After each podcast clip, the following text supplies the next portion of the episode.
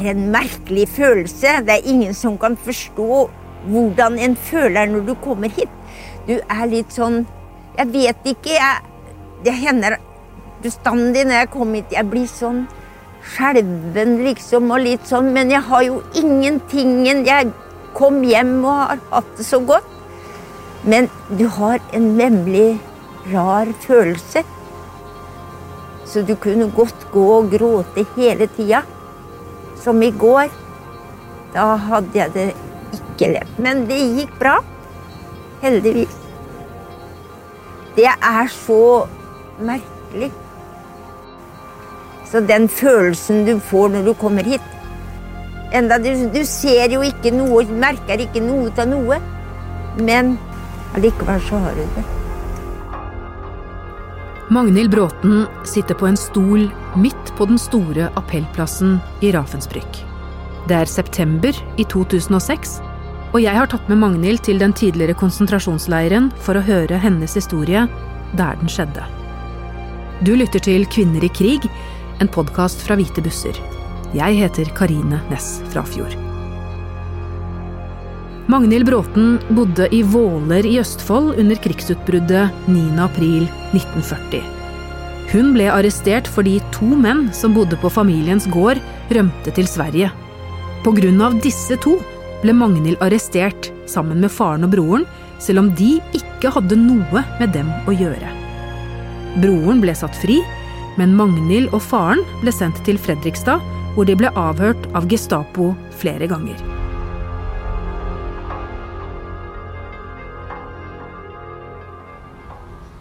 De to månedene jeg var i Fredrikstad, de var noe av det Ja, jeg vil si veldig vanskelige.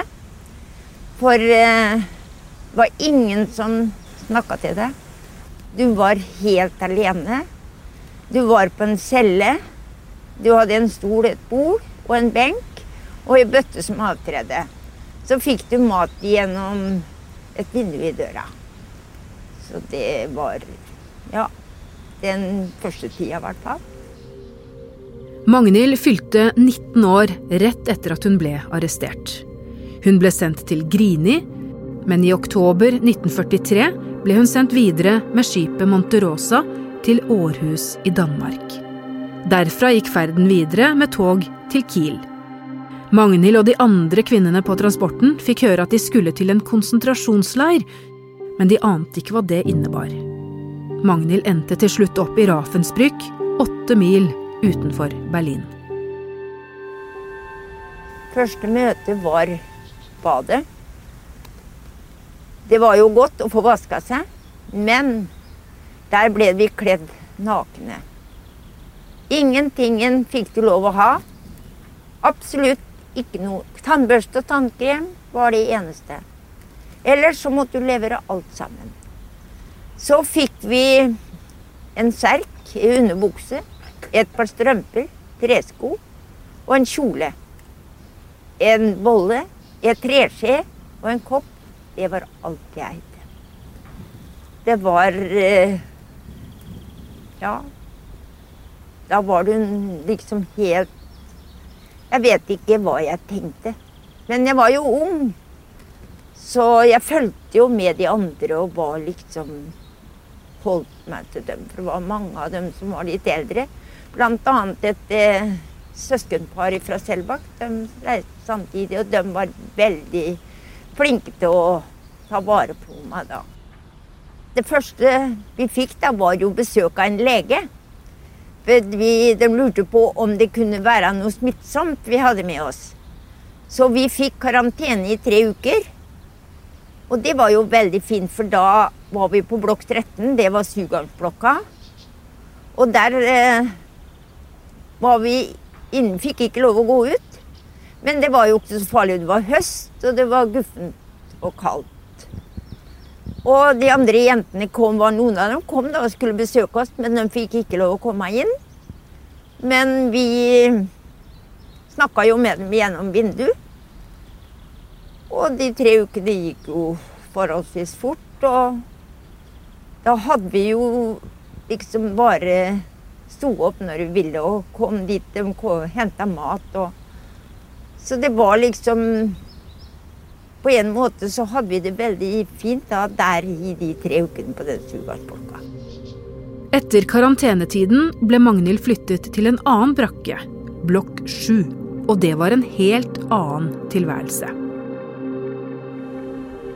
Men når vi kom på blokk 7, så måtte vi også opp om morgenen og stå på appell. Vi var oppe når klokka var ti på halv fire. Så var det å re sengen. Så var det å gå på do og vaske rommet. Og så var det å få en kopp kaffe.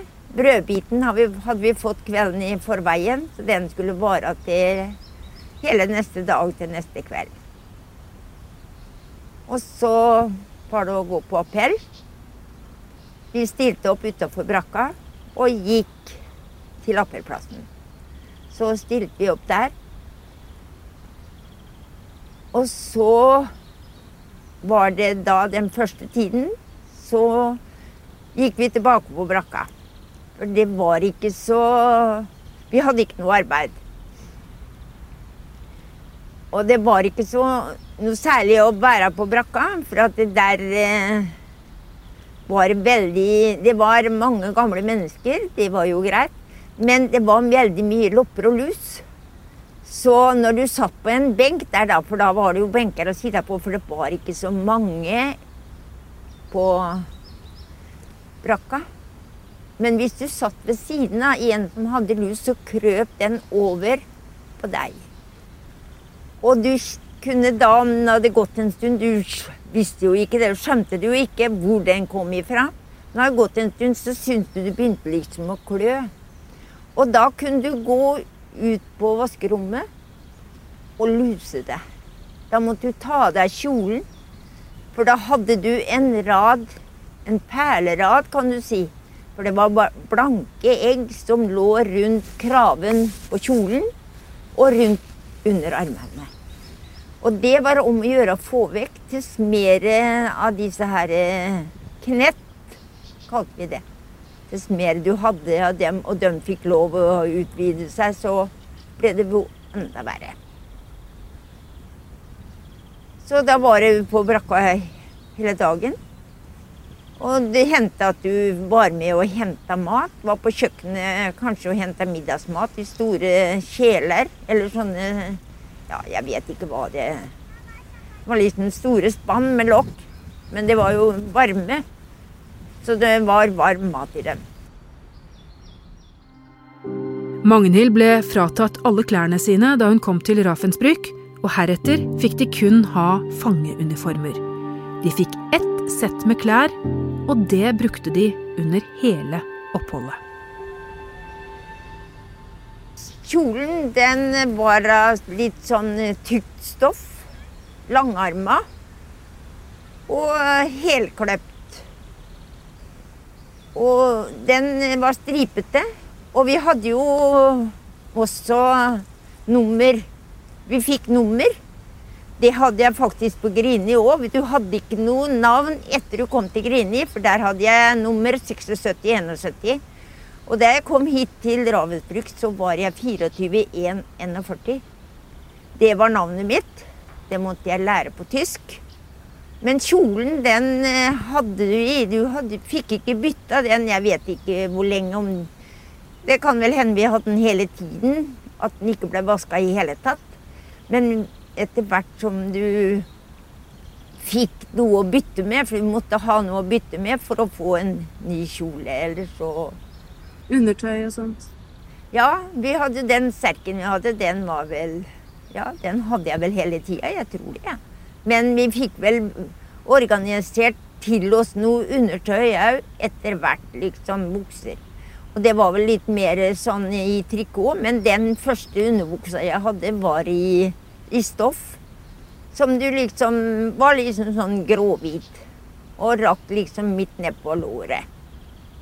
Men vi hadde jo ikke noen strømpeholdere eller noen tingen. Og strømpene rakk litt over knærne. Men vi fant jo ut etter hvert Det var jo etter vi hadde begynt å arbeide litt, så fant vi ut at vi måtte ha noe å ha strømpene opp med. Så vi fikk tak i oss enten noe tauverk eller noe bånd. Så bandt vi fast strømpa, og så knøt vi i det båndet vi hadde rundt livet. Og dermed så holdt vi strømpa oppe, for du kunne jo ikke gå og dra i den hele tida. Men buksa, vi måtte jo vaske den òg. Og da gikk vi uten. Og det hendte vi gikk på Lagergata da, men det var mest på søndagene. Vi hadde ikke lov å gå så mye på Lagergata. Da måtte du ha et bevis. Eller så hendte vi at vi bare Jeg vet ikke hvordan vi tørka det. Det husker jeg faktisk ikke. Men du hadde det samme buksa og kjolen og serken og strømpene. Ja, iallfall i tre måneder. Det er jeg sikker på. Uten at det ble vaska. Men slik var det jo med sengetøyet òg. Vi bytta jo ikke så ofte sengetøy heller. Vi hadde jo eh, et ullteppe som det var et dynetrekk på. Men eh, hvordan puta var, det heller kan jeg ikke erindre. Hvordan den eh, puta var. Men den første tida på brakka så hadde vi jo en krakk å sitte på. Men etter hvert så blei det jo mange. Så da måtte du bo i senga når vi var på blokk syv. Der hadde du maten, der hadde du klærne og skoa.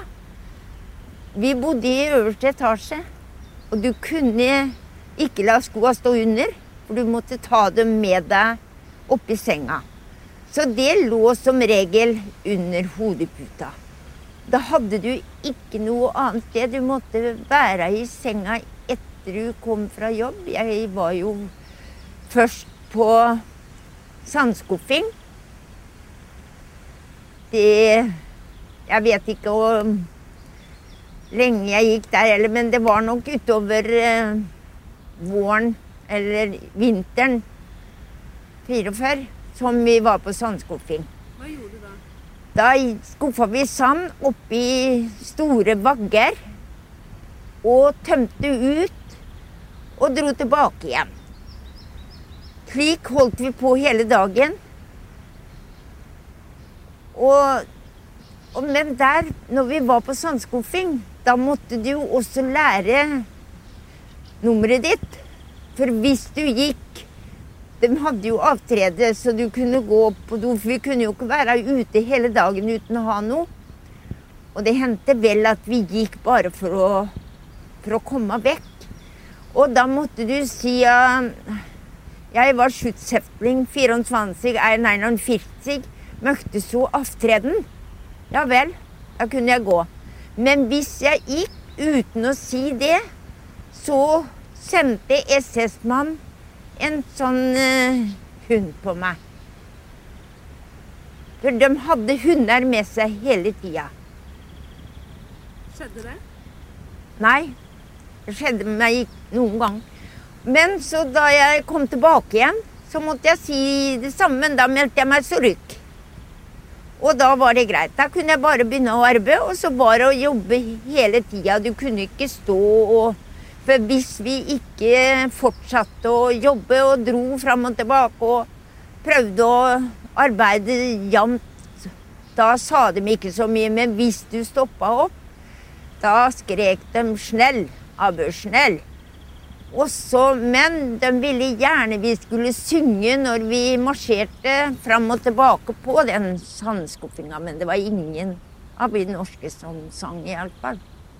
Tilgangen på mat den første tida var nok ikke av det beste. Ikke for eh, mange, i hvert fall. Jeg for min del. Jeg fikk en eh, pakke, en kleinikite eller sånn med korn i hjemmante. Det var det eneste jeg hørte. Ellers så fikk jeg ingenting. Så jeg hadde brød, en eh, fem centimeter eller noe sånt med brød. Og tre kvart liter suppe. To kopper kaffe om dagen. Det var det. Vannet kunne vi jo ikke drikke, for det var farlig.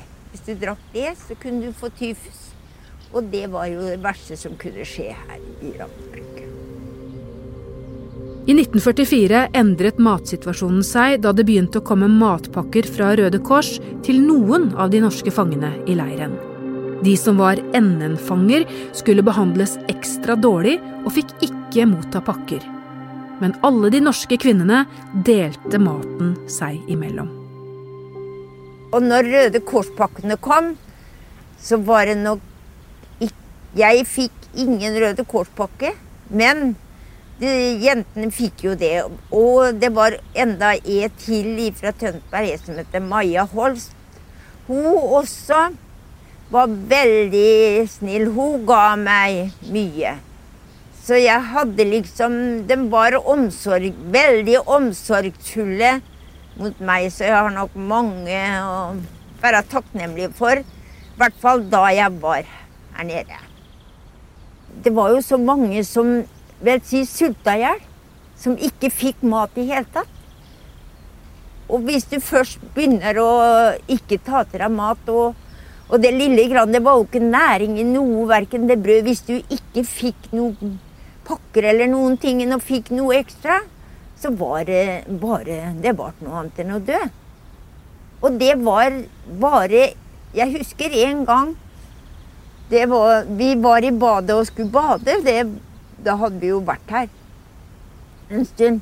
Så sto vi i det ene hjørnet, og så sto det en haug med kvinner i det hjørnet. Det var vel kanskje tidlig, for de var snauklipte. I hvert fall da måtte jo de være nye.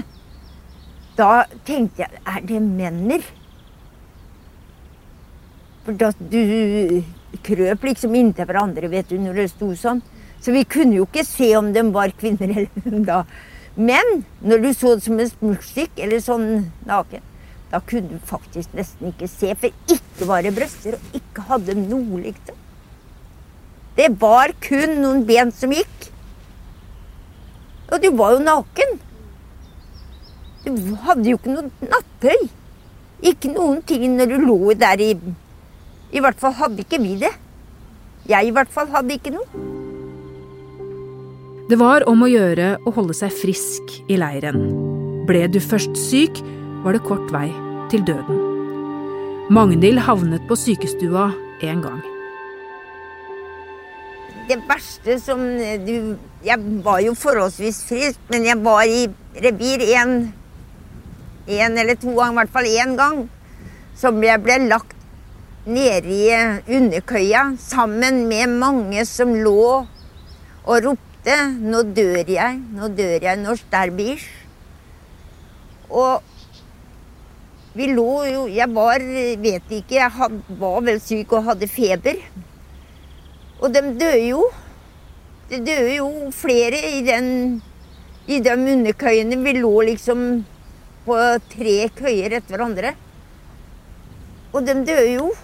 Og når du kom ut i, på vaskerommet da om morgenen, så lå det en haug med lik. Stabla som en vedhaug annenhver gang. Fem og fem andre gang liksom oppover. Hvor mange det var, det vet jeg ikke. Så du Da hadde du et veldig Det var liksom Men jeg tenkte nok ikke på at jeg skulle dø. Det tror jeg ikke. For jeg ble jo friskere, og jeg ble flytt ifra den underkøya og opp i en annen seng. Annen køye på dagen. Så jeg ble ikke friskmeldt da. Så, men du måtte holde deg frisk når du var der nede.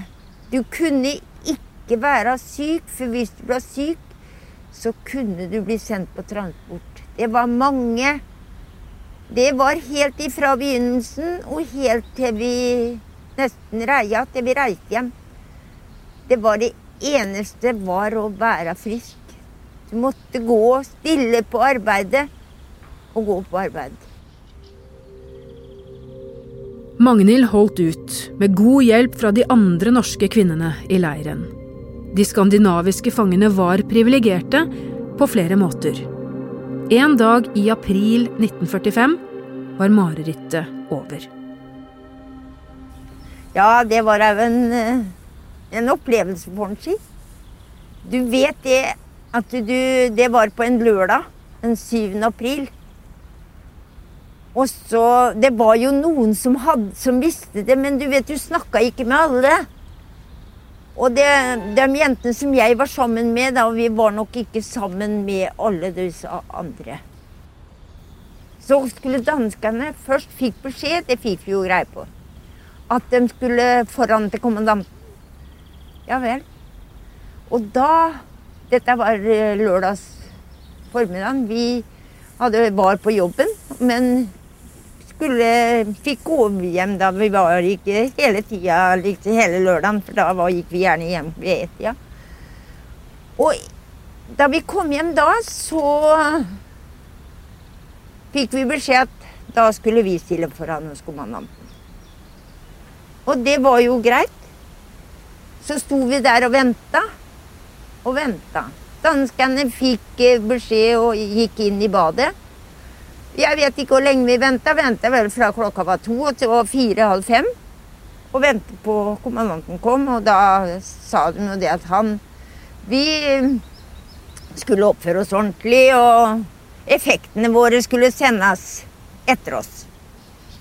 Men de effektene er vel ikke kommet enda.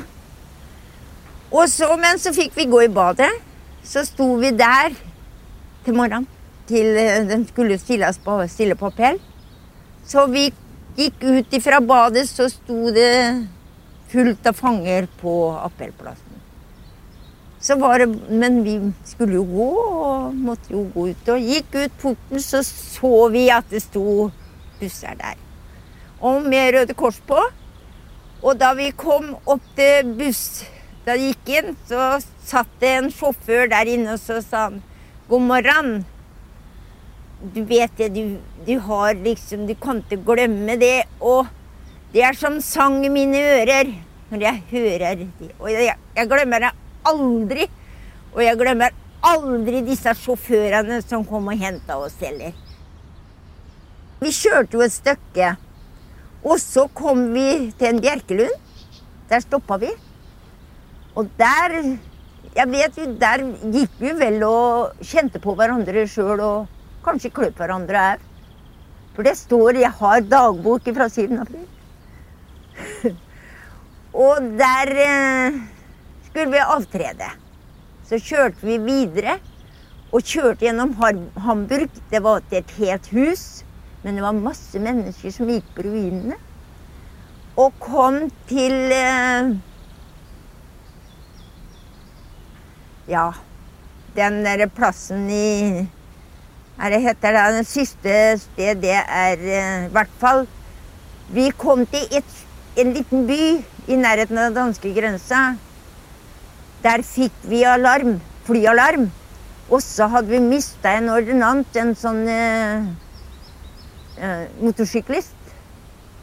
Der var jeg redd. Der var jeg redd. Der skriver jeg det Skal vi nå bli tatt? Da vi var liksom kommet så langt, det skriver jeg i den boka. Og Men jeg vet ikke om de fant ordinansen, det vet jeg ikke, men vi kjørte videre, og det gikk bra. Kom til danskegrensa. Og kom til ja, en leir. Frøslev-leiren. Og fikk mat. Poteter, det hadde jo nesten ikke smakt. Og kjøttkaker eller kjøtt og kålstuing det vet du, det, det smakte jo herlig. Vi hadde jo Lusla spist hele tida etterpå. Eller før. Men eh, for de sa jo det, sjåførene til oss, de var redd for at vi skulle forspise oss når vi fikk så mye mat, da vet vi, i disse pakkene. Men var, jeg tror vi var mer opptatt med å komme, liksom at vi kjørte. Vi hadde jo med oss SS-mann helt dit til danskegrensa. Og fikk ikke lov å se ut. Bare frontruta. Og i Danmark der bytta vi muligens buss, som kjørte oss til Helsingør. Og så tok vi ferja over til Helsingborg. Og ble kjørt videre til Ramløsa brun. Og der fikk vi en hvit seng. Det var jo som om Jeg vet ikke. Det kan ikke beskrives. Det var jo et flott sted. Det var jo like fint som Slottet i Oslo. Det Ramløsa. Så for meg da jeg kom dit da Det var jo helt fantastisk. Fisker i vannet og gullfisker i vannet og et flott sånn eh, musikkpaviljong. Og det, det, var jo helt Helt fantastisk. Og vi kom dit, og vi fikk bade. Og vi fikk nye klær.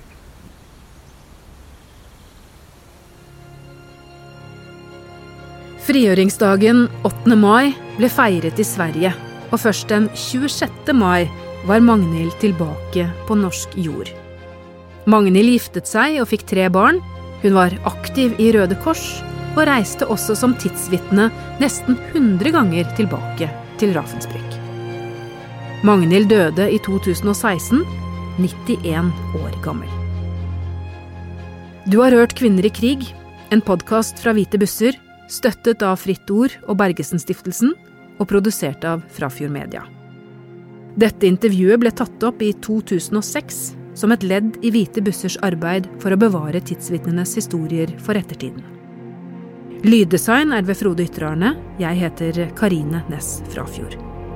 Takk for at du hører på og holder historien levende.